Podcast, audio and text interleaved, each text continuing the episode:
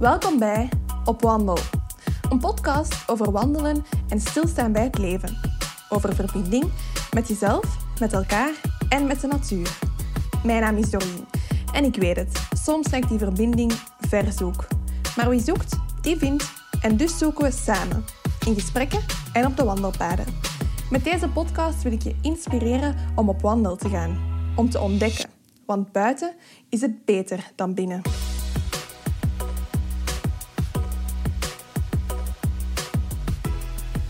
Vandaag ga ik wandelen met Delphine Wouters.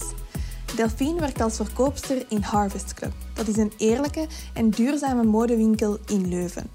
En het is daar, in de Harvest Club, dat ze haar passie voor onze planeet ontwikkelde. Ze ging zich verdiepen in alles wat met klimaatverandering te maken heeft.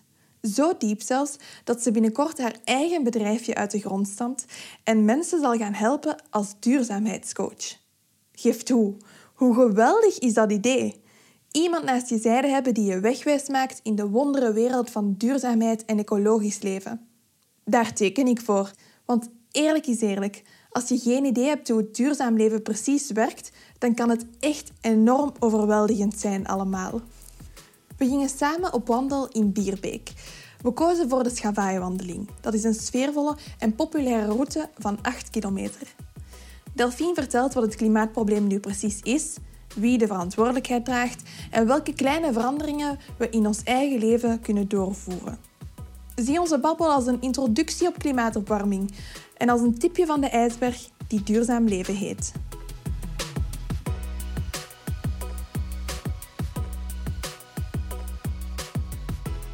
Is het Delphine of Delphine? Delphine. Delphine, oké. Ja, maar het maakt op zich niet zoveel uit. Heel veel mensen zeggen vaak mijn naam eigenlijk een beetje fout. Ja, Of, of is, vooral schrijven is verschrikkelijk. ja, maar het is Delphine en dan uw familienaam is ook, ben ik dan OU of AU? En dan ben Ja, ik ja, altijd ja. Soms is het inderdaad verwarrend. Ja.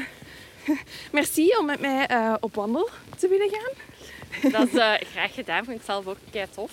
Ja, want jij luistert ook naar de podcast, hè? Ja, zeker.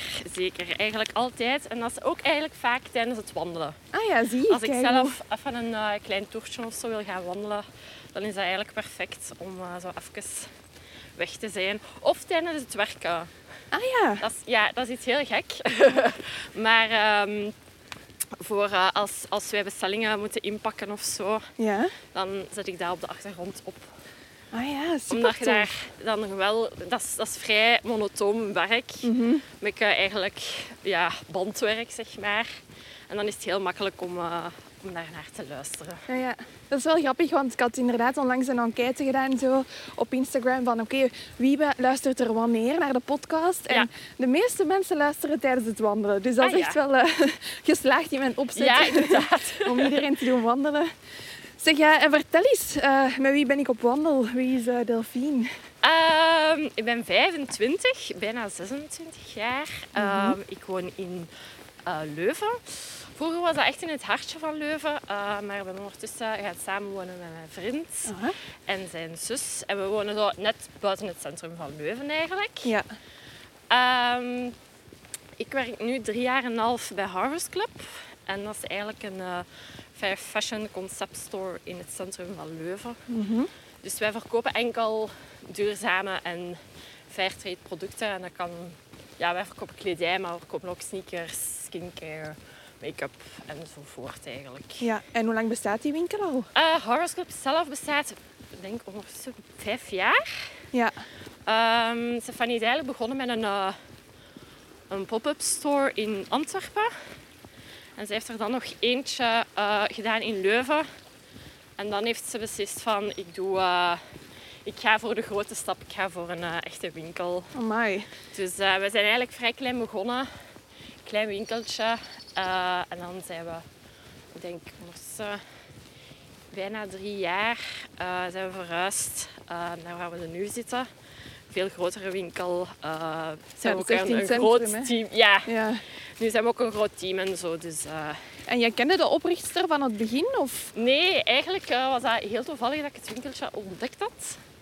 Ehm, en ja, gewoon eigenlijk gevraagd van, ja, zoekt jij naar een eh, jobstudent? Ah ja, zo. Dus ik ben daar begonnen als jobstudent en dan uh, uitgegroeid naar uh, voltallig werknemer. Ja, want inderdaad, vandaag heb ik u uitgenodigd om het eens te hebben over uh, klimaat, de staat van onze planeet ja, en dergelijke. Ja. Want je werkt in een, in een winkel met fair fashion, maar ja, het klimaat ligt u wel nauw aan het hart, hè? Ja, dat klopt. dat is eigenlijk gekomen doordat ik bij Harvest Club werk. Um, omdat dat toch wel, ja, wij verkopen echt duurzame producten. Dus dat, dat gaat van heel kleine oplages naar um, alles uit gerecycleerd plastic. Uh, echt specifiek um, innovatieve stoffen bijvoorbeeld of zo. Dus um, dat, dat verschilt van merk tot merk eigenlijk. Hoe dat ze zich in moeten zetten voor uh, het klimaat. Mm -hmm. Maar uh, daardoor ja, ben ik daar heel gefascineerd door geraakt eigenlijk.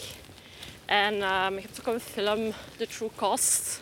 Ja. Dat gaat specifiek over de mode-industrie eigenlijk. En dat heeft echt mijn, op mijn ogen wel doen open doen.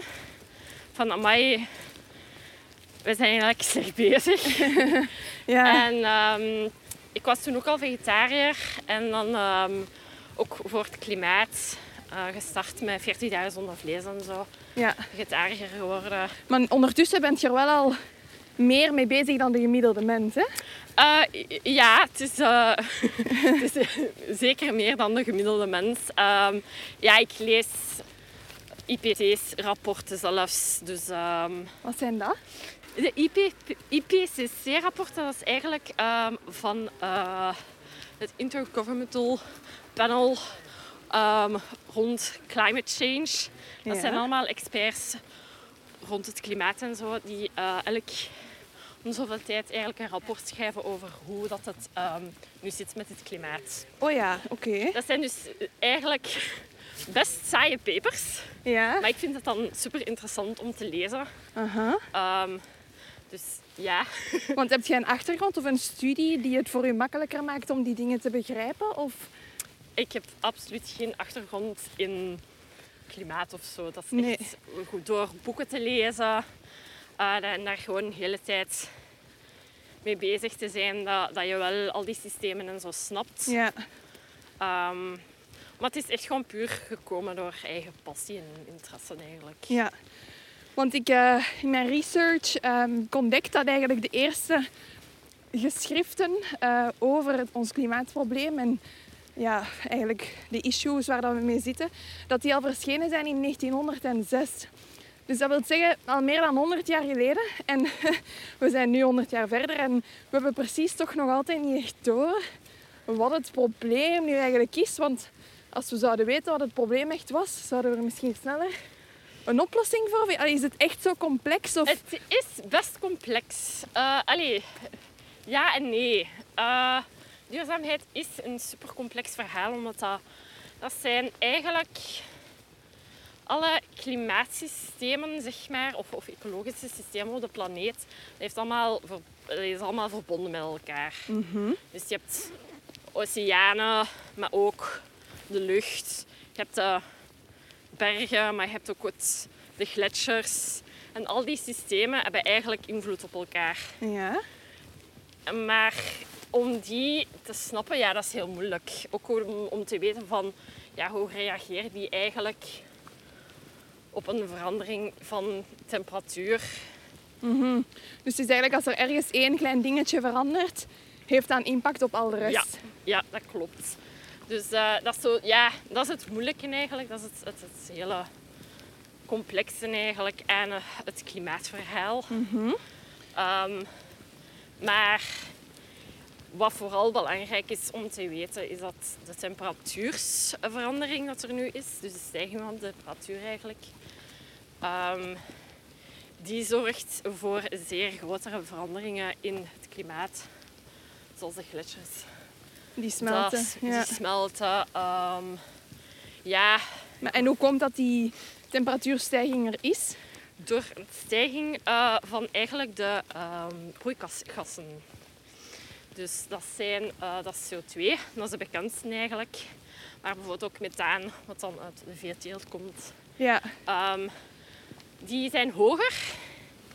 Dus eh, voor CO2 hebben we daar eigenlijk een eh, limiet voor. Dat is eh, 350 ppm.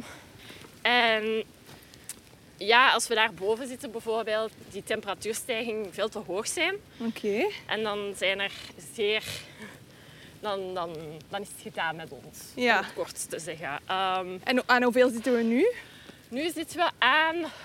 Het schommelt zo eigenlijk. Eh 310, 300. Dus het is, Oei, het is, we zijn niet goed bezig alleszins. dat is bijna. Ja, dat is wel bijna. Dus we zitten eigenlijk nu, dat is ook wat de ehm, klimaatstoppen altijd zeggen van we moeten in de, onder de 2 graden Celsius blijven van klimaatopwarming. Dus eh, we zitten nu aan een 1, 1,2 graden. Dus eh, we gaan serieus moeten verandering brengen eigenlijk om ehm, niet aan die 2 graden te raken. Ja. Want eh, zelfs met de 1 graden waar we nu zitten, eh, gaan we gevolgen hebben van die klimaatverandering. En zijn dat de gevolgen die we nu al zien, zoals de seizoenen die veranderen, de bosbranden, de overstromingen? Ja, zeker. Ehm, het zijn inderdaad zo veranderingen dat je nu al ziet en die gaan eigenlijk nog erger worden. Ze zeggen dan nu al dat eh, eigenlijk alles waar het eh, al nat is, nu bijvoorbeeld België, regent het best toch veel, Ja, dat gaat nog natter worden. oké. En eh, alle droge gebieden gaan nog droger worden. Zoals bijvoorbeeld Australië, daar gaat het nog droger worden. Met alle gevolgen van dien. Zoals de bosbranden bij ons, overstromingen. Dus we gaan dat eigenlijk allemaal ex- nog extremer zien. Ja, dus het is eigenlijk een beetje vergaan in water en vuur. Ja, ja, ja, want dat is, eh, eigenlijk gaat het allemaal eh, over de extremen gaan. Dus ehm, zoals deze week was het hier ijskoud. Ja. dat er is een grote kans dat dat erger wordt. Maar dus dat ook bijvoorbeeld onze zomers ook wel warmer worden. Dat de hittegolven nog erger worden eigenlijk. Dus wat de aarde doet eigenlijk in normale tijden, die kan zichzelf reguleren. Ja, En nu, omdat wij eigenlijk te veel uitstoten, eh, is die die kracht een beetje kwijt. ja, ja. dus normaal heeft de, ehm, de planeet, de, de natuur, eh, zelf eh, feedbackmechanismes. Ja. eh, die ervoor zorgen om inderdaad in die balans te blijven. Ehm, maar ja, dat gaat nu niet. Dus ehm, allee, dat, die systemen falen een beetje doordat er too much is. Ja. En dan, eh, ja, dus die kan zich eigenlijk niet zelf meer echt regelen.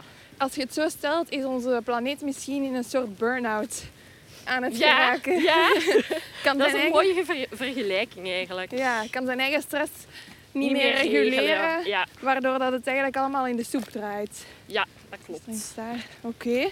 En iets wat dat een mens graag doet, is natuurlijk een schuldige eh, zoeken, de zondebok.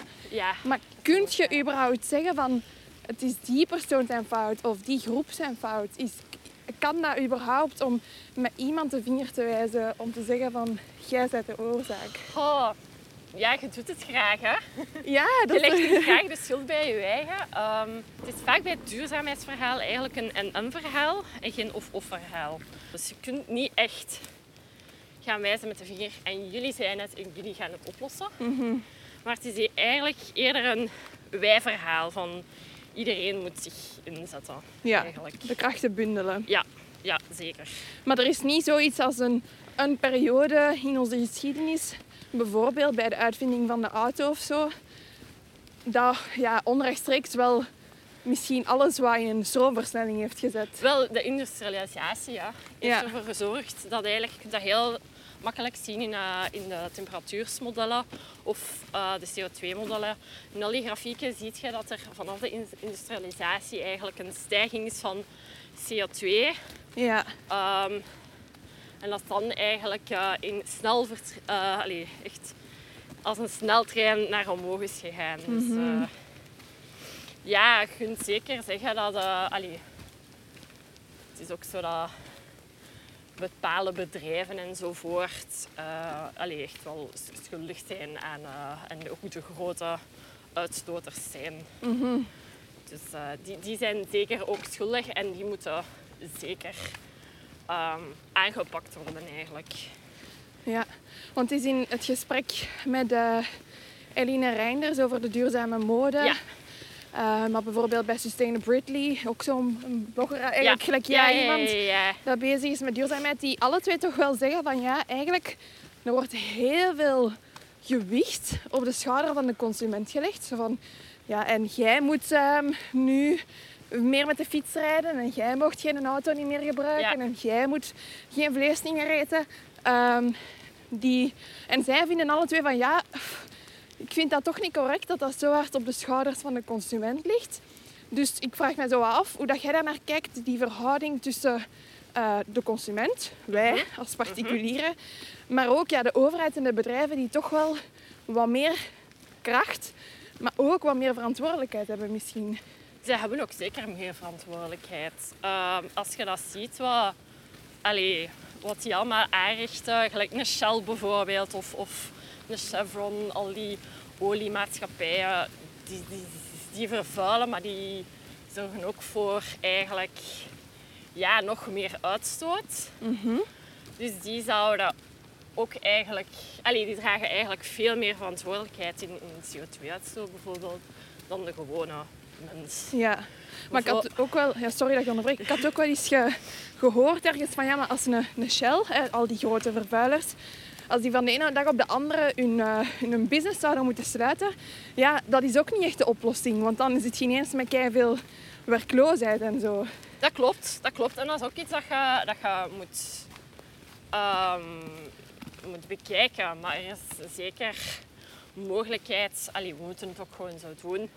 Er is mogelijkheid om die, uh, dus noemen dat eigenlijk die, uh, de groene transitie, maar dat dat ook een sociale transitie is. Dus Ah, ja. moet een, een shift zijn van energie bijvoorbeeld, um, waar dat er ook zeker op vlak van uh, allee, energie en, en daar de, de jobs en zo, dat, dat is een transitie eigenlijk dat er moet gebeuren. En Ja, dat gaat niet zonder slag of stoot. dat gaat eh, zeker niet zonder slag ja. of stoot zijn, maar de, wat veel mensen ook vaak vergeten is dat de kost dat we gaan hebben van de gevolgen van de klimaatverandering veel groter gaan zijn dan de kosten die gaan we moeten maken eigenlijk nu om Ja. het een beetje aan te pakken, zeg Ja. maar. Want we zijn wel wat verwend natuurlijk hè, in onze huidige manier van leven. Ja, ja zeker. Ehm, ik heb ook eens een, een studie gelezen dat... ehm allee, meerdere studies waren daar overheen gekomen eigenlijk. Dat de ontbossing die er eh, nu gebeurt, dus eigenlijk de los van, van de bomen, Mhm. dat dat een grotere kost zou zijn dan het eh, verlies van geld dat we hebben gehad tijdens de financiële crisis. Ah ja, om het dan toch in geld uit te drukken Ja, om het toch in Ja. geld uit te drukken. Want veel mensen zeggen altijd, ja, maar dat kost zoveel, die transitie. Ja, maar het, het verschil, de, de los dat we gaan hebben van bijvoorbeeld bomen, dat gaat veel groter zijn dan het feit dat we daar gaan investeren. Ja. Ja. En eh, ja, om terug te gaan naar mijn vraag dan, hè, wat is dan voor u die Die positieve... Die ja. verhouding. Ik vind het moeilijk om daar echt een, een getal of zo op te zetten. Ehm, maar ja, je hebt zo de 100 bedrijven die eigenlijk ook 70% van de uitstoot eh, op aarde zeg maar, hebben. Oké. Wat heel crazy is Ja. als je daarover nadenkt. Dat eigenlijk ja, een handjevol bedrijven zoveel uitstoot hebben. Ehm, dus ik vind dat die eigenlijk ook gewoon door overheden, door ehm, eigenlijk ja, United Nations of zo, zeg nu maar, ehm, verantwoordelijk worden gehouden voor hun, hun, hun uitstoot en, en voor het niet aanpakken van een, een duurzamere bedrijfswereld. Ja. Zeg maar. Want als die eigenlijk sneller hun verantwoordelijkheid zouden opnemen, zouden wij dat ook meteen voelen. Ja, ja, die impact zou ook echt eh, eigenlijk giga zijn. Dat is zelfs allee, op persoonlijk vlak is dat ook, heb je ook wel echt dingetjes dat je kunt doen die, die heel impactvol zijn. Maar de grote bedrijven, allee, die grote bedrijven hebben nog een grotere impact eigenlijk. Ja. eh, ja, dat zouden we inderdaad direct voelen. Wat zouden ze dan, wat moeten ze dan doen? En waarom doen ze het niet? Waarom doen ze het niet? Ik denk geld. Ja. En ook omdat ze het niet moeten doen. Dat wordt hun Mm. niet gevraagd. Door de overheden en zo. Oké, dus er is vooral druk van Ja, de publieke er- opinie, maar ja. niet echt van de overheid. Nee. En daarom dat ze het ook niet doen. Ze hebben daar gewoon geen interesse in en denken gewoon aan profits. Mhm. Wat heel spijtig is. Ja. Maar ja, wat, wat moeten zij doen? Veel. Eh, zeker klimaatneutraal worden. Dus eh, geen, eigenlijk geen CO2 uitstoten. ehm, en geen effecten hebben op, of geen impact hebben op de planeet. Zoals in de mode-industrie bijvoorbeeld. Ehm, geen, eigenlijk een circulaire modelijn hebben, zeg maar. Ja. Dus je, je, je stroom dat je hebt, je cyclus zou eigenlijk, zoals een cyclus is, circulair moeten zijn. Waardoor dat je eigenlijk bijna geen impact hebt op ehm, de planeet, zoals milieuvervuiling of het lozen van, van vuil water in, in de oceanen of zo. Ja. Dus, eh, dat moeten ze zeker doen. Dus dat is Ehm, eigenlijk een soort innovatieproces dat Ja. ze moeten meemaken. En eigenlijk hoe dat hun business er nu uitziet, transformeren naar iets wat ja, ofwel geen ofwel een positieve impact Ja. heeft op het Ja, eh, klopt. klimaat. Ja, want je kunt het ook zelfs ehm, omdraaien dat je zelfs volledig een, een, ook een positieve impact hebt op, eh, op de planeet. Ja. Dat je eigenlijk ook een beetje teruggeeft, zeg maar, aan de planeet. Want ik ben nu zo'n boek aan het lezen, ehm, Natural Intelligence, van Leen Gorissen. Ik weet niet of je haar kent. Het zegt mij iets. Ja.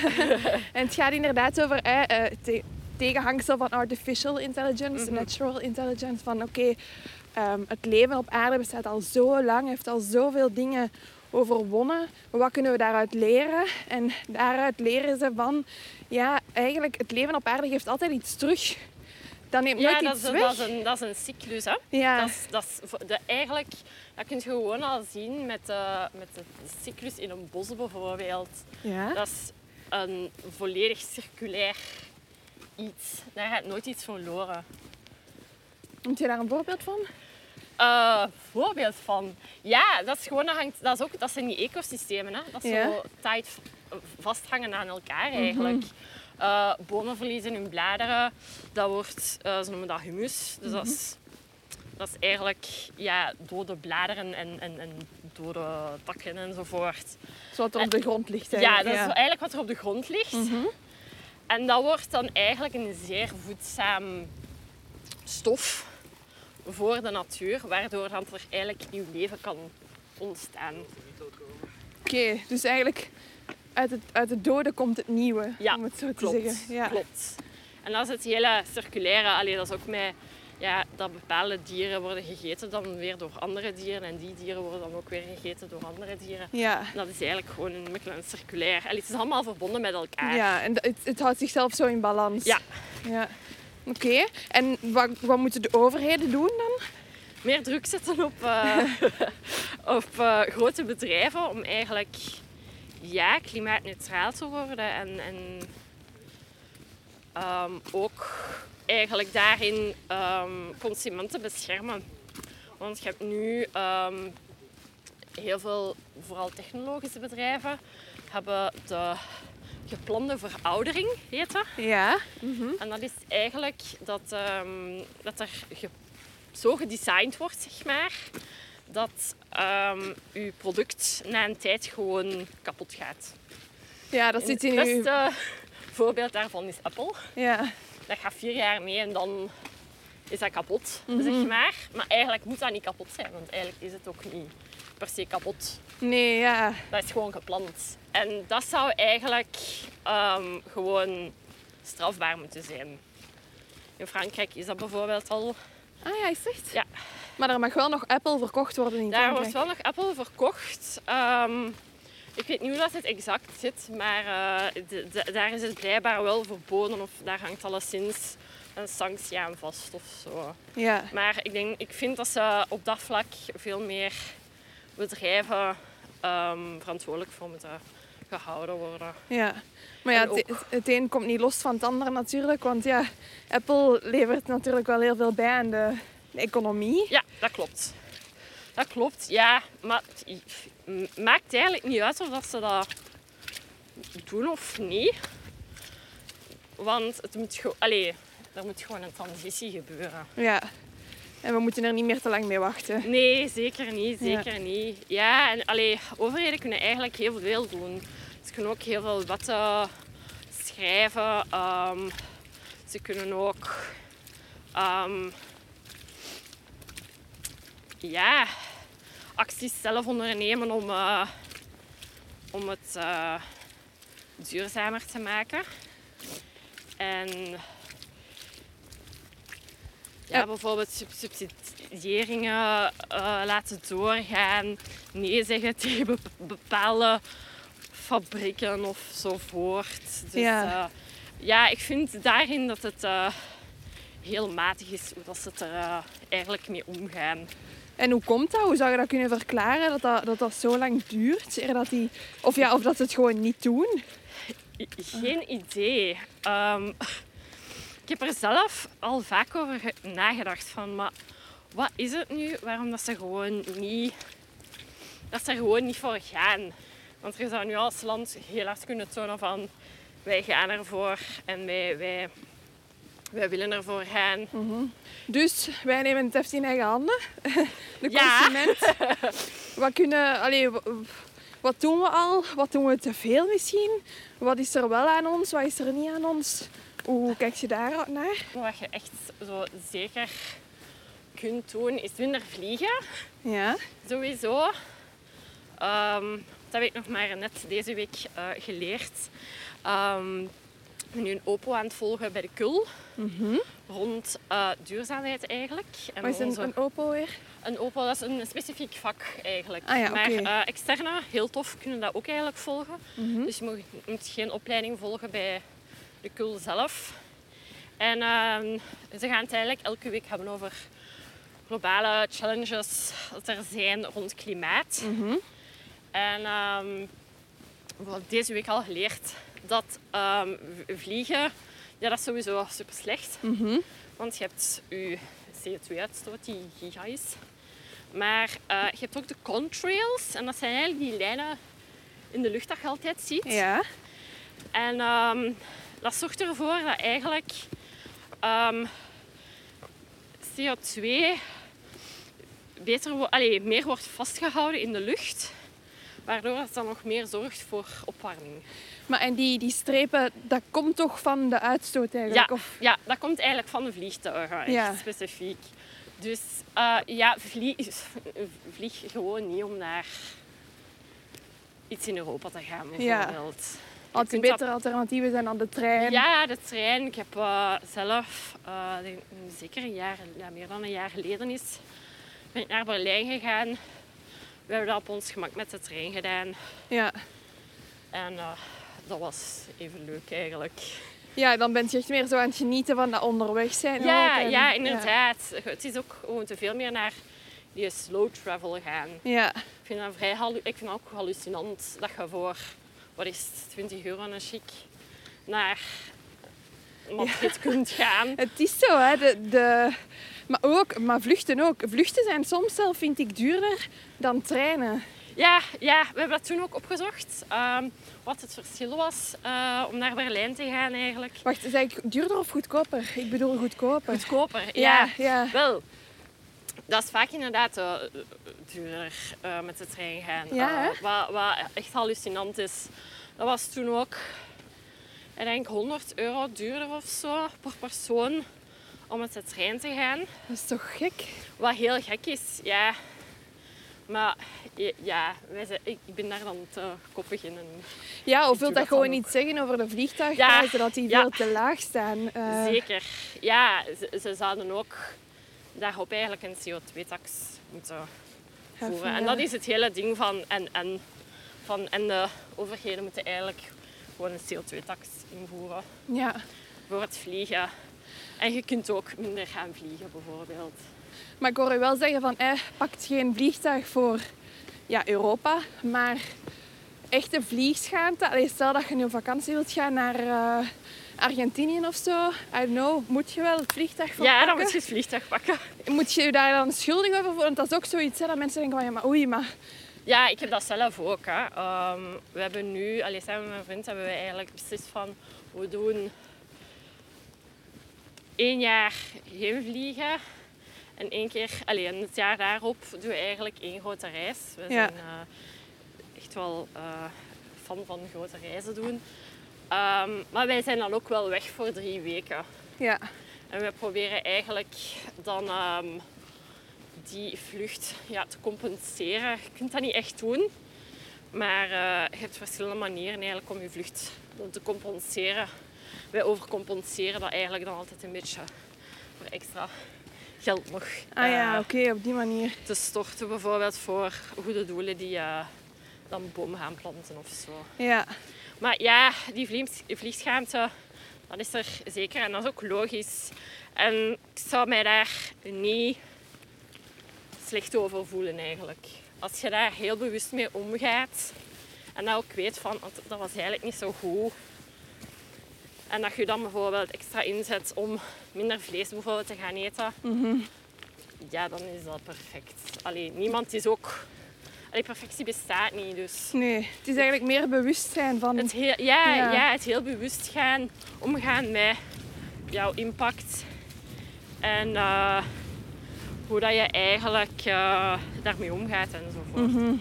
Je moet weten dat een hamburger eigenlijk qua waterverbruik of, of water wat nodig, heeft om, nodig is om een hamburger te krijgen, is maken. 32 douches. Oké, voor één hamburger. Voor één hamburger. Dus dat heeft gewoon een, een giga-impact. Ja, Maar daardoor heeft het ook een giga-impact om dat gewoon al één keer te laten staan. ja, dat is al direct 32 douches ja, ja, dus ik vind... Allee, dat is ook een proces om, om duurzamer te, te gaan leven eigenlijk. En dat is, dat, is, hoe- dat is hoe dat ik het bekijk. Van, dat is uw levensstijl. En ik vind het al goed als je er bewust mee omgaat. En het probeert. En dat is misschien nog niet perfect waste of perfect vegetarisch of volledig plantaardig. Eh, eh, eh, allee, ik heb een vriendin die bijvoorbeeld zelfs hostess is Ja. bij een vliegmaatschappij. Maar die, is wel, die probeert voor de rest volledig duurzaam te leven. Oké, ja, want haar job is dan eigenlijk, Ja, ja. om het heel cru te zeggen, vervuilen. Ja, Ja. heel vervuilend, maar zij zorgt er dan eigenlijk voor dat zij op, eh, die, op andere manieren duurzamer kan zijn. Ja. Dus echt zien naar een soort compensatie als je het... eh, Ja, ja, en ook allee, u daar niet slecht bij voelen als je, als je dan toch niet iets niet super duurzaam doet, bijvoorbeeld. Want dat is, allee, dat is ook gewoon niet bevorderend voor je proces naar een duurzamere levensstijl eigenlijk. Ja, als je er de hele tijd slecht over voelt. Ja, ja allee, ik heb ook een keer ik een, ja, een stom stukje plastic heb en dan denk ik, ah, shit, wat heb ik nu gedaan? En dan voel ik mij daar ook even slecht over. Maar dan denk ik, maar ik doe, ja, je moet dan denken van, ah, maar ik, ik, ik, ik voel me er al slecht over. Dat is eigenlijk ook al, Dat is al iets, ja. dat is al iets eigenlijk, dat je er gewoon bewust mee, mee, mee bezig bent. Ja. En stapje per stapje echt zo eh, die Ja, transitie ja, doen. ja, ja, ik heb dat zelf ook zo gedaan. Allee, Hoe is dat voor u? Hoe is dat proces bij u gegaan? Ehm, ja, bijvoorbeeld het ehm, geen vlees eten dan. Dat was ehm, voor mij een heel traag proces. Niet per se om een bepaalde reden, maar dat is gewoon omdat dat ook... Dat zijn gewoontes dat je hebt. En een gewoonte veranderen duurt heel lang. Ehm, en Hoe lang duurt dat ongeveer? wel, je kunt tot eh, eigenlijk... En dan spreken we echt als je zo met een verslaving eigenlijk hebt gehad, of zo, zeg maar. Ja. Ehm, kan dat duren tot een jaar dat je een herval hebt. Maar het duurt om echt van iets een gewoonte te maken zes maanden. Dat is inderdaad kun je even. tot 12 maanden eigenlijk een herval hebben. Ja. Dus ja, dat duurt wel even. Hè. Mhm. Ehm, maar nee, bij mij is dat eerst begonnen met ja, oké, een keer meedoen met 40 dagen zonder vlees. Dan aten wij zelfs de zondag nog een stukje vlees. En dan was dat daarna, oké, we, doen- we gaan deze nu aanhouden. We doen volgende, volgend jaar toch nog een keer eens mee met 40 dagen zonder vlees. Dan hebben we volledig vegetarisch gegeten. En dan een keer eens... eh, allee, en dan zijn we eigenlijk rustig begonnen met ook volledig plantaardig te beginnen eten. Mhm. Maar dat is, een, ja, dat is een heel traag proces, ook omdat je, je hebt je omgeving. En je omgeving kun je niet verplichten om eigenlijk mee die stap te zetten. Ja, ja. Je bedoelt dan als je bij iemand gaat eten Ja. of zo? Ja. Of, ja. Ik heb dat zelfs nu soms nog. Als ik ga eten bij ja, mijn grootouders, dat is voor hun een heel andere wereld. Mhm. Die zijn daar niet allee, gewoon aan ook. Ja, ik ga dan niet zo eisen van, ja, ik wil nu een volledig vegan Maaltijd van... ja. maaltijd. Dus dan eet ik inderdaad ja, pasta met wat kaas bij of zo. Kunt je daar met je grootouders over hebben? Of denken die echt van, ja, die delfien, wat zotten is dat? hier? Nee, die, die, die denken dat niet. denk. Misschien wel. maar ik denk het niet. Maar eh, ja, echt over praten nu niet. Met mijn ouders zelf wel. Ehm, maar mijn grootouders, die weten dat ik dat ben. En die vinden dat nu geen probleem om, om allee, wat een extra vegan hamburger of zo te pakken of zo. Ja. Want voor hen moet het natuurlijk wel een hele... Ja, ze zijn niet anders gewend dan vlees eten Ah, ja, natuurlijk. ja, ja, ineens- ja, tuurlijk. Die zijn niet anders gewend dan eh, lekkere lasagne met, met gewoon gehakt te maken. Ja. Dus dat is, dat is voor hun echt wel een, een grote stap. En allee, dat is voor veel mensen een grote stap om dan ineens volledig plantaardige maaltijd te ga- gaan klaarmaken. Dus, Ja. eh, Maar dus in plaats van echt van hen te verwachten van... Jij moet dat hier voor mij doen. Ja, zoekt je ook een beetje die balans. En Ja. probeert je misschien wel ook in dialoog te gaan van Ja. waarom. ja, zeker. Zeker. Ik probeer dat wel. Maar dat is vaak moeilijk, omdat veel mensen daar wel vaak een, ehm, een, een, een afstotende en, en verdedigende reactie op hebben. Ja. Zeker op het eh, vegetarisme en het, het, eh, allee, het, het vegan zijn. Ja, dan komen er vaak zo van, ja, maar dat is toch niet gezond? En dat is toch niet, allee, is toch niet goed voor u? En waarom doet je dat? En Zo angst voor het onbekende ook. ja, eigenlijk. angst voor het onbekende en ook hun, hun, hun eigen keuze dan of zo te willen verdedigen. Mhm. Terwijl, dat maakt me niet uit wat je, wat jij doet. Ja, you do you. ja. Ja. Wel echt. En, en dat, is, dat is vaak spijtig. Dat je dan eigenlijk in zo stomme discussies terechtkomt van... Ja, maar waar komt je dan aan je eiwitten? En Dan is dat vaak zo van die loze, stomme discussies. Terwijl je kunt ook gewoon een normale conversatie hebben over waarom ik geen vlees eet. Ja, ja. Ja, mensen, maar het is wel al, toch al aan het veranderen, heb ik het gevoel. Hè? Dat er toch al meer een... Ja, zeker. Zeker. Ook omdat het... Het is... ehm, waarom... De, allee, het, het waarom geen vlees eten is ook meer en meer mainstream aan het worden. Het wordt Ja. ook meer en meer eh, aan het daglicht gebracht, zeg maar. Dus Ja. dat is wel iets positiefs en dat is iets eh, heel aangenaam eigenlijk, vind ik zelf. We worden allemaal toch een beetje hippie. Misschien om het, om het zo Maar te zeggen. Hè, nee, maar nee, maar initieel denk ik de meeste mensen die, ze- die, ja, eh, die geen vlees niet meer aten en die met de bakfiets rondgingen en die, ja, die worden toch wel bestempeld als hippie of Ja, ja, ja, sokken. ja, ja. Maar ondertussen zijn we toch al allemaal een beetje terug toch meer, eh, meer hippie aan het worden, zo heb ik het gevoel. Ja, toch wel een beetje. Of toch de meeste. Dus that's a good thing. Binnenkort terug uh, Woodstock en eh, Ja, het is al een maar voilà.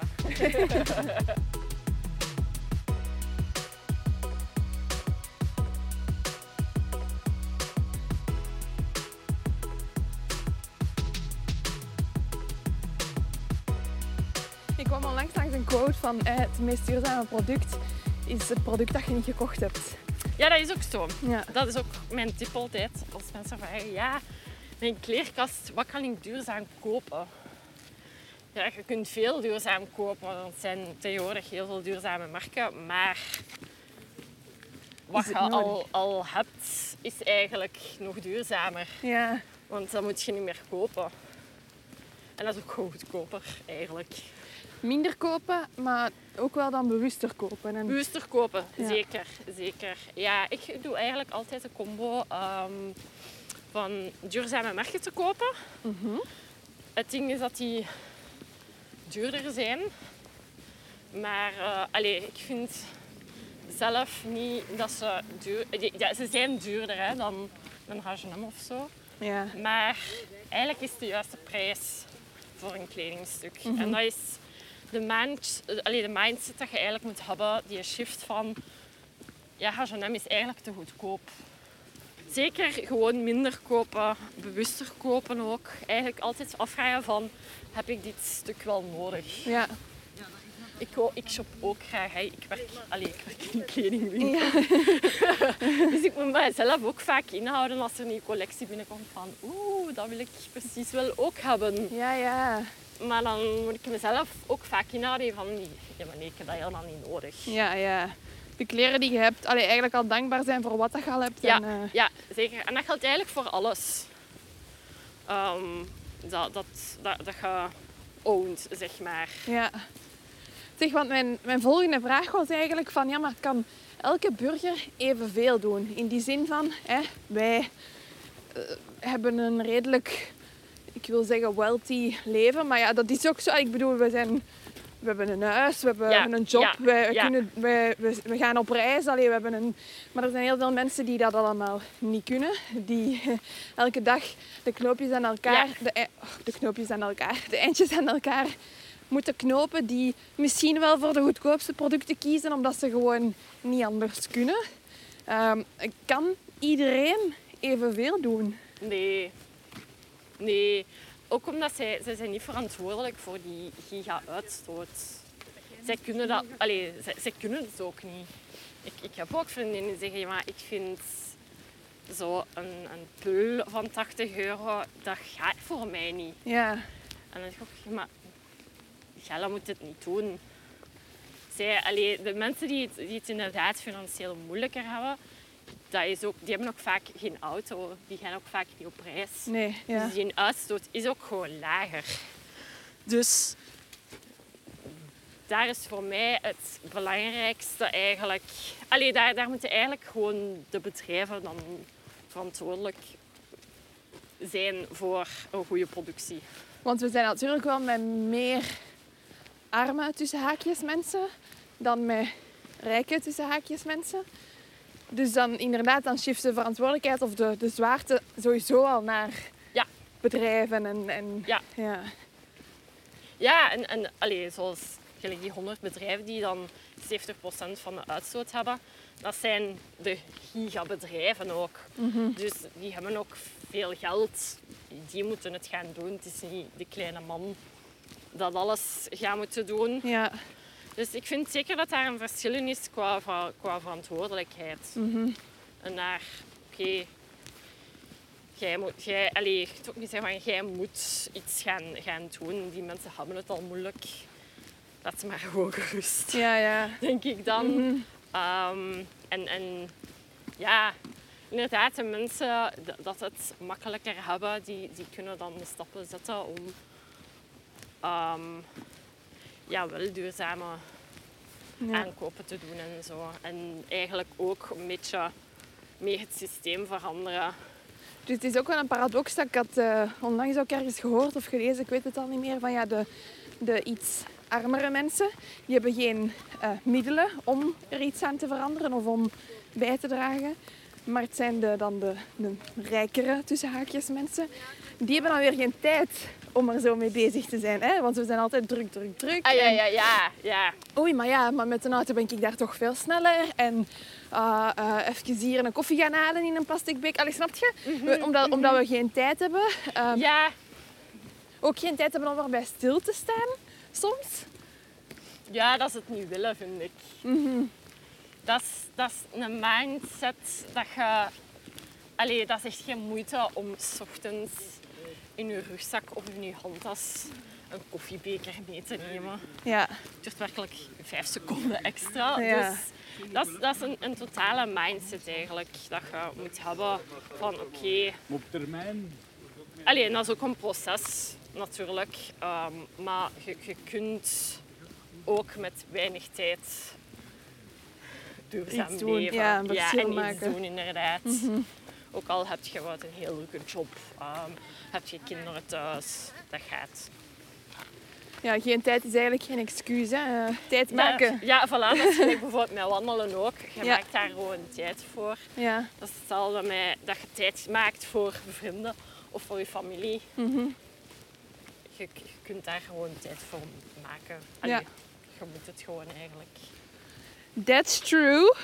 Maar hoe komt het eigenlijk dat het, ja, dat het zo lang duurt eer dat die overheid in gang schiet? Want bijvoorbeeld voor mij is het ook van...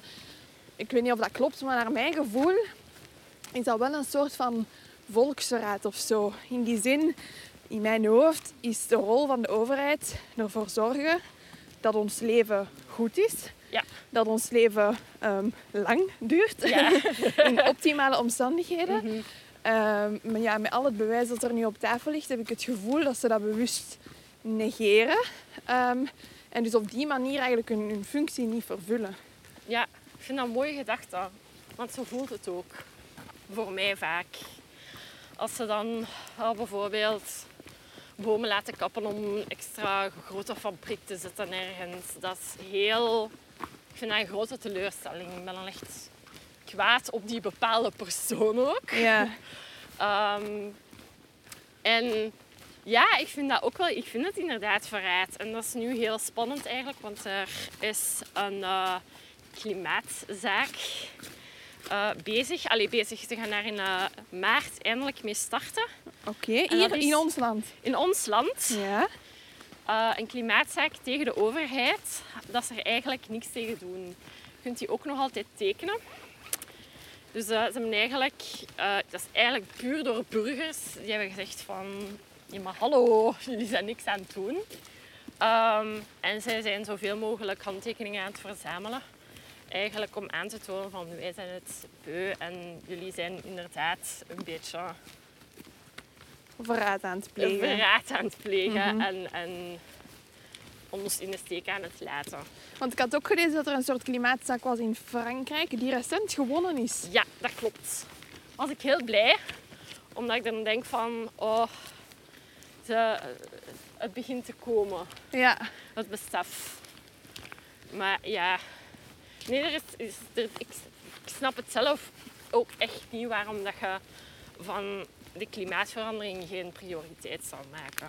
Omdat je ook inderdaad na lange tijd natuurlijk, maar onze economie gaat daar ook schade aan voelen. ja, ja. De, allee, de armen gaan nog armer worden enzovoort. Dus we gaan daar gewoon nog veel grote effecten van hebben. Ja, op langere termijn. Op dan, langere ja. termijn dan, ja. Maar je wilt dat wel gewoon tegenhouden, denk ik dan. Als, allee, dat is gewoon een beetje inderdaad de taak van de overheid. Van, ja, Ja. zoals je zei, van, we moeten een goede welvaart hebben en, en goed voor onze mens, mens zorgen, zeg Ja. maar. Want ik doet me denken, omdat je daarnet zei van dat je soms kwaad zet op specifieke personen. Ehm, via u kwam ik uit bij Ineos. Hè, of, of het geval van Ineos. Ineos, dus als ik het nog goed voor heb, een, een plastic gigant fabriek. Ja, zij, zij zijn eigenlijk eh, fabrikanten van eh, stoffen om plastic te maken. Ah ja, oké. En dus die wouden een, eh, een vestiging hier in Antwerpen openen, als ik ja, het goed ja, begrijp zij heb. wouden twee grote fabrieken openen in, allee, bouwen in de haven van Antwerpen. En wat was er daarmee weer gebeurd? Eh, ja, dus die gingen eh, 55 eh, hectare bos moeten kappen ook. Dat was dan ook het hele... Om, dat fabriek, om die fabrieken daar te Ja, om zetten. dan plasticfabrieken te bouwen. Heel, Ja. heel ironisch. Ja. Ehm, en eh, daar is natuurlijk een heel grote eh, petitie eh, voor opgestart om dat tegen te houden. Want dat was wel initieel goedgekeurd. Dat was initieel goedgekeurd door de minister van Milieu, denk ik, of Energie, uh, Zoal de Meer. Ja. En ehm, daar is dan uh, Ineos Will Fall uh, uitgekomen.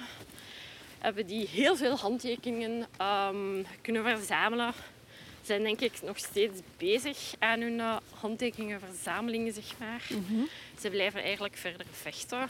Um, en zijn daar ook mee naar het kabinet gegaan en zo. Maar dat is tegengehouden geweest.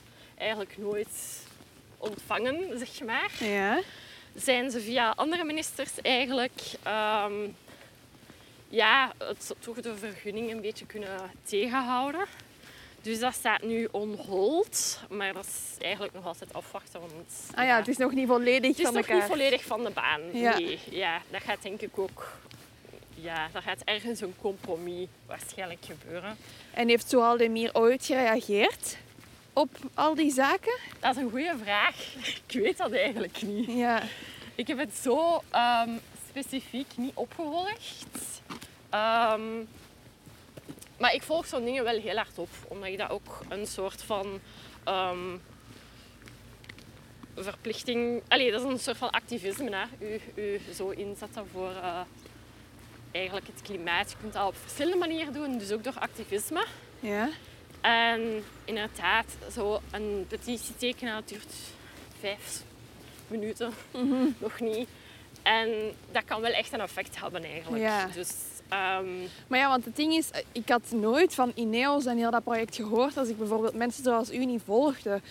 Dus bij de standaard Allee, ik zeg standaard, dat is niet het juiste woord, maar ik bedoel dus bij de gewone uh, algemene publieke opinie die niet bezig zijn met duurzaamheid, ja, die horen daar helemaal nee, niet van. Dus nee, en dat is het heel spijtig. Dat is, dat is ook een beetje, vind ik, de taak van de uh, journalistiek om daar meer over te schrijven. Mm -hmm.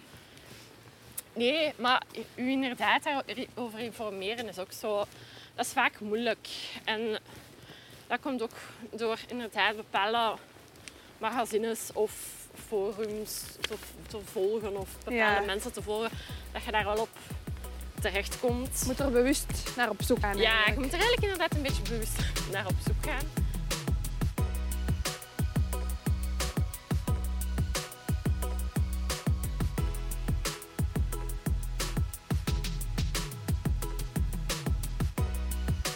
Francesca van Tieren die volgens mij dan de oprichter ook is van Klimaatstop, of mee aan de, aan de basis staat. Ja. Um, die effectief gesprekken heeft gehad met ministers en die vaak het antwoord krijgt van ja, maar er is geen draagvlak.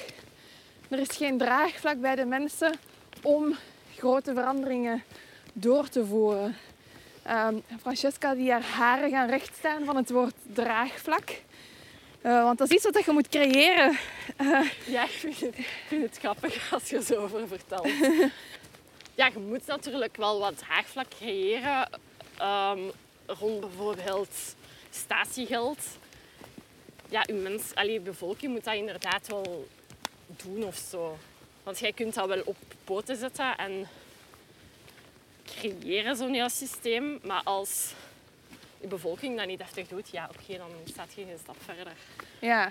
Maar om nu te zeggen dat er geen draagvlak is voor klimaatoplossingen, dat vind ik uh, heel gek dat ze dat zeggen eigenlijk.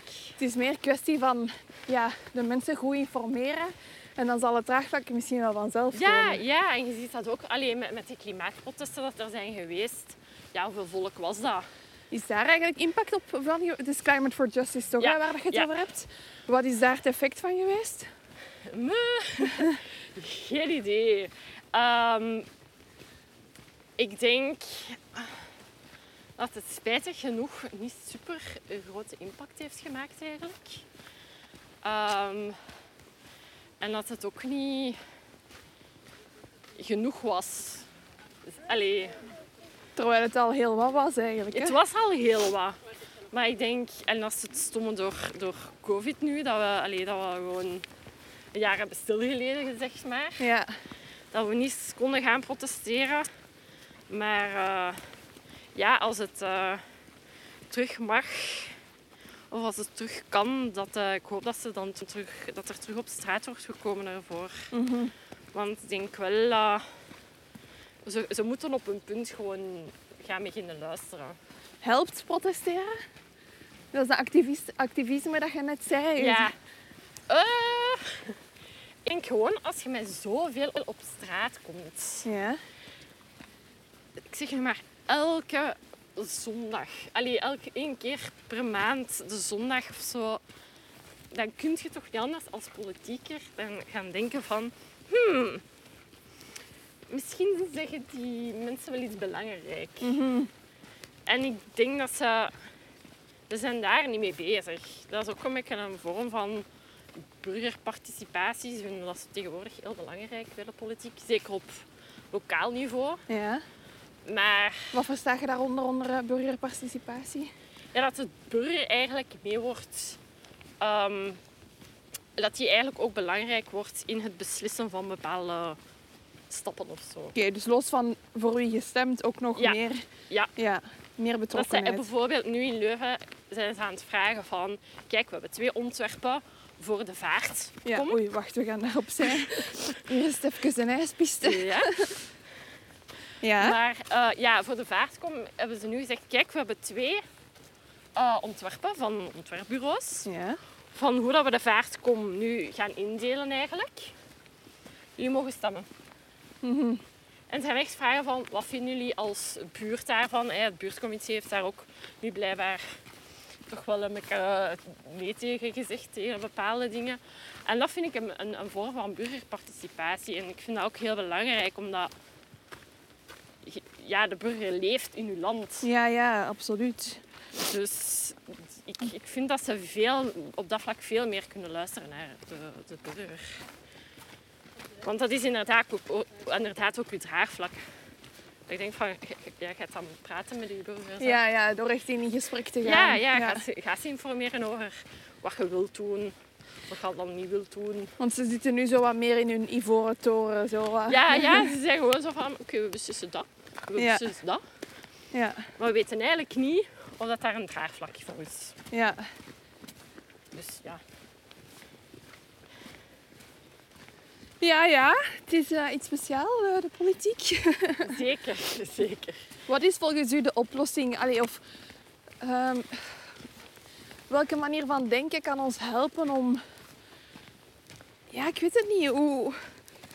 Ja, wat is volgens u de oplossing? Welk besef moeten we hebben om, om dat klimaatgebeuren te gaan oplossen? Zowel als allee, op individueel vlak als mens zijnde. Ja, Dus als, allee, wij, wij, wij zijn allemaal mensen, hè, wij zijn allemaal als groep zeg maar, op deze planeet. ja, We hebben allemaal een uitstoot. Maar als ehm, individu zelf, zo, ja, van klimaatverandering prioriteit maken. Dus eigenlijk gewoon alles wat je doet, probeer daar bewust over te zijn. Als ik bijvoorbeeld denk van, oh ik wil op vakantie gaan, wij proberen uit te dokteren hoe dat we dat het meest duurzame kunnen doen, bijvoorbeeld. Of ja, dat gaat ook over eten of zo. Gaat het ook over zo dat besef van, ja, wat je in het begin van ons gesprek zei, van alles staat met alles in, in verbinding. Dus als het met de natuur slecht gaat, ja, maar dan gaat het met ons ook Ja, slecht dan gaan. gaat het ook met ons slecht gaan. Dat is zo. En dan, moet, dat, dan moeten we ook meer en meer beseffen van... Ja, maar deze is echt wel... Allee, dit is een call van de natuur om te zeggen... Hallo, het gaat niet goed met mij. Ja, Pas op, want jullie gaan ook weer gevolgen hebben. Ehm, en ook, ja, ons, ons systeem is... Allee, alle systemen en, en eigenlijk ook onze economie en hoe dat we economie uitdrukken enzovoort. Of hoe, hoe, dat hoe goed onze welvaart is. ja. Dat, dat moet allemaal een beetje veranderen, vind ik. ja, want nu zit klimaat daar niet bij in waarschijnlijk. Nee, klimaat Ja. wordt daar totaal niet in, in eigenlijk in, in mee besproken of zo. Dus dat is heel schrijnend, vind ik. Terwijl het dan misschien wel een van ons hoogste economische goed is. hè, Ja, ja, om het, ja, eh, ja, als je het in geld wilt uitdrukken. zeker.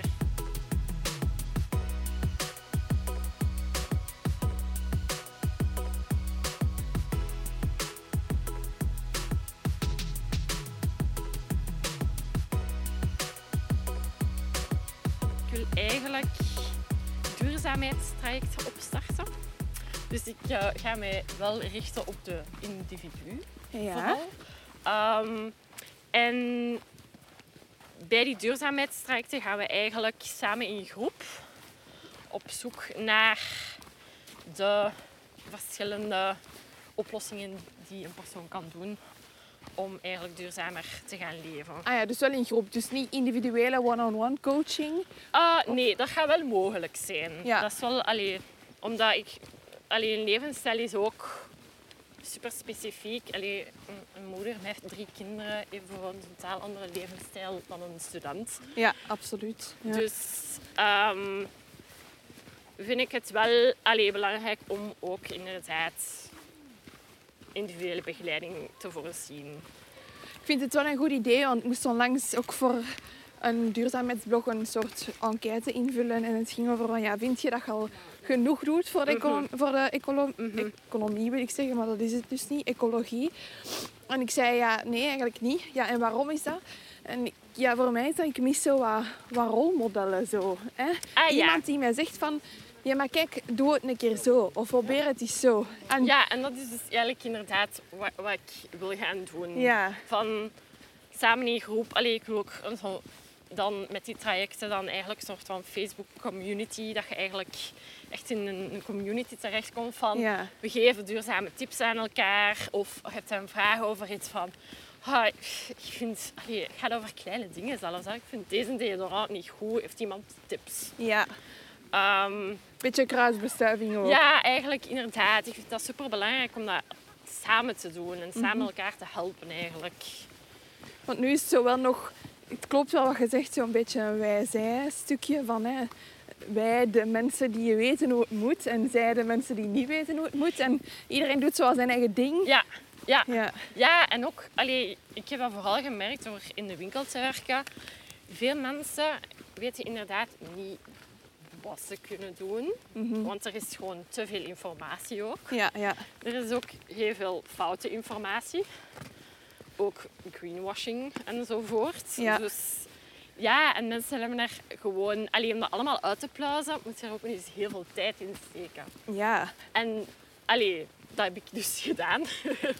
en, en, en ik heb dus... Ja, de bedoeling is om mijn trajecten dus... eh, met, met mijn trajecten mensen te helpen, zeg ja. maar. Want eh, ik volg je op Instagram, dat is dan Sustainabilities. Ja. En daar geeft je ook vooral tips rond zero waste. Mhm. Ehm, als je dat in drie, vier zinnen moet uitleggen aan iemand dat niet weet wat zero waste is, wat, wat Ehm, zeg je dan?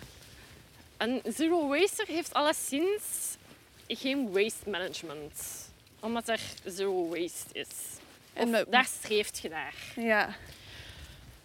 Dus je hebt eigenlijk de, de, de vijf R's.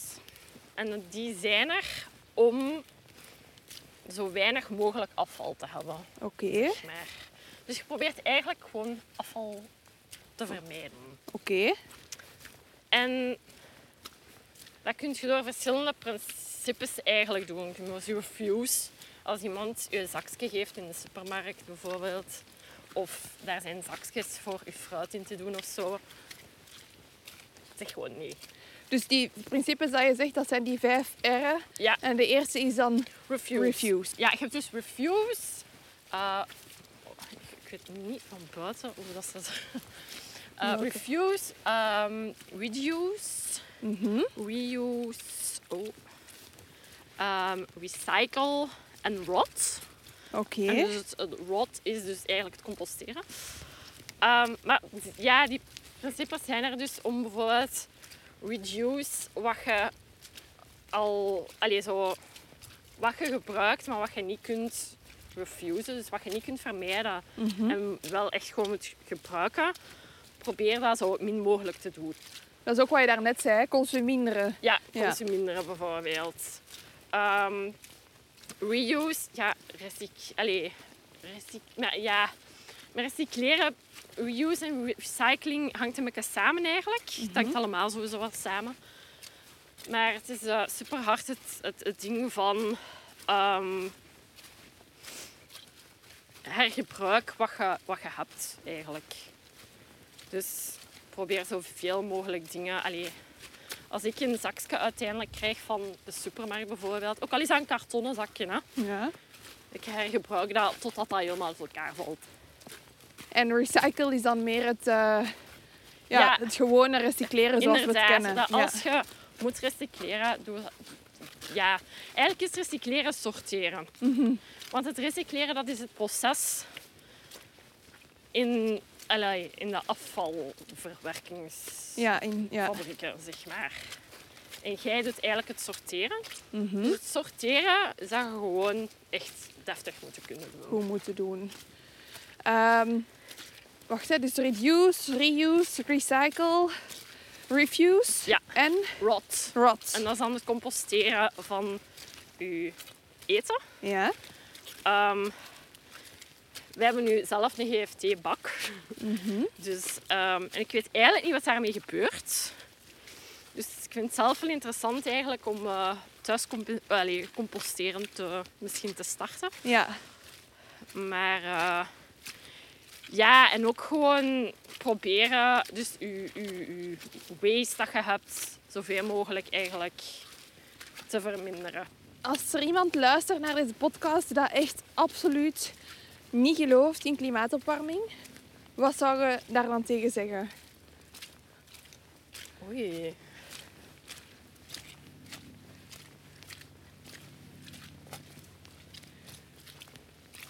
Ja, om daar toch een keer eens serieus, deftig opzoekswerk naar te doen. Ja. En ja, wij, wij voelen het nog niet super hard, die klimaatverandering. Maar in andere werelddelen wel super hard. Ja. Want er zijn meer, al meer overstromingen, meer tyfoons, meer bosbranden, Mhm. meer hittegolven enzovoort. Dus vooral even check, allee, check the evidence. eh, Ja, er- ja. Het- De, de, ja, er zijn zoveel films die je kunt zien. The Inconvenient Truth Mhm. van Al Gore. ehm, al de, de laatste eh, film van David Attenborough ook. Mhm. Daar, daar gaat het zeer specifiek over eh, klimaatverandering eigenlijk. Ja. Maar de evidence is er al lang. Je zelf ook al. Dat, dat, ja, sinds 1906. ja. Zo blijkt. Dus de de evidence is er, dus sta er gewoon voor open. Het is, het is ook wetenschap, dus als je als klimaatverandering benaait, dan, dan zeg je dat wetenschap ook niet bestaat. Mhm. Wat ik iets heel gek vind. Ja. Uw drie everyday essentials. Zo van hier zweer ik bij mijn eh, duurzaamheidsproducten die mij echt helpen om. eh, Ehm, de, de, de belangrijkste, en dat is echt, die heb ik altijd bij mij. Nu niet, omdat we natuurlijk eh, wandelen. Ehm, maar ehm, is mijn drinkbus ja. van Lopper. Mhm. Eh, die heb ik altijd bij mij. Dus als, als ik ga slapen, pak ik die mee naar boven. Ja. Ehm, ook omdat dat is een heel gemakkelijke. Je koopt gewoon één keer een kei goede drinkbus. En ik heb die bijvoorbeeld zelf nu zeker al voor vijf jaar. Mhm. En ja, je moet gewoon geen plastic flesjes meer kopen. ja. En je drinkt ook kraantjeswater dan? Ik drink kraantjeswater, wat op eh, jaarbasis meer dan eh, 200 euro goedkoper is. Mhm. Ehm, en ze hebben ook bij factchecks ja. Het is heel interessant eh, gedaan. We hebben eigenlijk getest eh, wat het eh, verschil is of, of dat je dat nu überhaupt proeft of niet. Ja. Ehm, en dat is echt een zeer grote impact. Dat is echt belachelijk eigenlijk hoe dat wij aan water komen. Dat ligt ook heel veel... Allee, ligt een grote afstand af. Mhm. Dus stop daar gewoon mee. Dat, is, dat is iets heel makkelijk en om toch eigenlijk, ja, het is ook goedkoper, dus Ja. het is gewoon, allee. Dus gewoon eens fa- factcheckers een keer kijken. de Ja, en afleveringen dan, van dan wil je water. het zeker Ja. doen. Ehm, en je moet ja, gewoon een, een een gewoonte van maken om die altijd overal mee te nemen. Oké, dus als de dopper. Ja, de dopper. Eh, wat heb ik nog altijd bij? Een katoenen zakje. Ja. Ehm, voor als ik eh, lunch of zo moet gaan halen. Ehm, of als ik nog fruit gehaald worden of groentjes of zo voor thuis. Of ik wil zelf een keer een snack kopen of zo. Dat je echt je eigen zak bij Ja. hebt. Ja. Dat dan niet een... eh, ja, of eh, ja, eigenlijk een katoenen zakje en een, en een potje. heb ik altijd mee. En v- allee, want je gaat, dat dan, je, je gaat dan wel naar verpakkingsvrije winkels. Waarschijnlijk om dat te halen. Eh, ja, maar dat kan zelfs... Allee, mijn brood bijvoorbeeld, dat haal ik ook soms de Origino in Leuven. Ja, daar vraag ik ook gewoon omdat dat in mijn zakje kan. En die doen dat. Ja, die doen dat. En eigenlijk doen heel veel mensen dat. Oké. Bij heel veel, zeker bakkers. ehm, en al, ja... Ook naar de supermarkt pakt u wat zakjes mee. Mhm. En met geen al die stomme... Ja, ik, ik word zelf gek van, plas- zo, van die kleine plastic Ja, dat snap zakjes. Ja, dat is maar voor heel even te Ja, gebruiken. dat is, en dan, dat, is, eh, dat is echt dat is single-use plastic. Ja, Daarvan ook de naam. Je gebruikt dat één keer en je gooit dat weg. ja, ja. Dus ja, altijd een zakje en een, en een klein potje om Eten mee te pakken. eten te gaan halen of zo. Ja. En het derde? Derde. Ik moet er over nadenken. Dan gaat het toch eh, mijn eh, Le Boom zijn van Sim. Dat is een, eh, een lippenbalsem. Maar dat is in een aluminium ehm, klein doosje. Ja. En dat is ehm, eigenlijk van Sim. En Sim is een Belgisch ehm, skincare merk. En ze hebben ook het EcoStar label. Dus dat kun je enkel krijgen als je echt duurzame producten gebruikt. Ehm, volledig biologisch werkt en zo. Kijk goed, dat zijn al drie everyday essentials Ja. eh, die wel de moeite waard zijn. Als je een, eh, de stap wilt zetten naar een duurzamere levensstijl, doe het vooral op je gemak. Eh, algemene tip, doe het ehm, stap per stap. En wel nog steeds binnen je levensstijl, zeg maar. Mhm. Als het echt niet gaat om met de auto bijvoorbeeld, alleen om die thuis te laten staan, fijn. Zoek je een andere manier om duurzaam te leven. Nog tips. Probeer het zo in te passen in, in uw manier van leven. Ja, echt. Wel Mhm. echt. Merci voor de wandeling, voor de, Ja, merci. voor de inzichten in uw, eh, in uw klimaathoofd, hoofd, om het zo te zeggen. ja, ja. Zo, dat was Delphine's introductie op klimaatopwarming en een duurzame levensstijl. Benieuwd naar meer? Volg Delphine dan op Instagram, at sustainabilities. Daar krijg je een dagelijkse dosis tips en tricks en daar kan je ook haar avonturen volgen, zodat je weet wanneer je haar kan boeken als duurzaamheidscoach. Als je geniet van gesprekken en wandelingen als deze, vergeet dan zeker niet om je te abonneren of een rating te geven. Je kan op Wandel ook steunen met een gift. En hoeveel kies je helemaal zelf. Alle info vind je samen met de show notes op www.opwandel.be. En wil je helemaal niets missen van de Opwandelavonturen? Volg ons dan op Instagram, opwandel, en word lid van de gratis Facebook community. Tot de volgende Opwandel dus. Maar wacht vooral niet tot dan om zelf al in je wandelschoenen te springen. Want je weet, een dag niet gewandeld is een dag niet geleefd. Ciao!